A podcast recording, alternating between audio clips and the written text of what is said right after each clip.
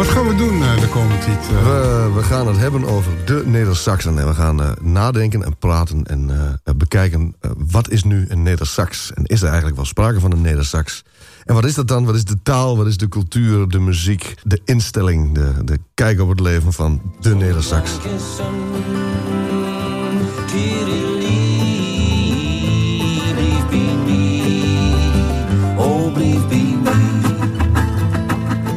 Wie er nog werk, ja, we sleuren boom in de boerderij en mijn vader moe een paar slaapkamers verderop. En mijn vader toen soms kwam een keer op de radio en mijn moeder heet Ali. Dus mijn vader die glikt de radio aan, mooi lied. Wie u kent, wie u kent, zijn geest wijd zaagjes op de wind.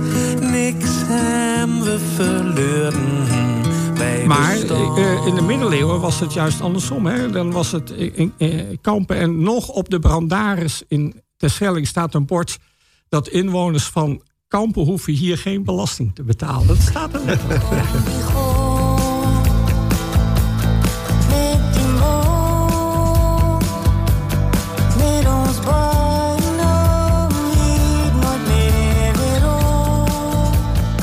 De taal zit in de dingen. Wat recht betekent. Dan leg je er geen dikke langs. De Nedersax.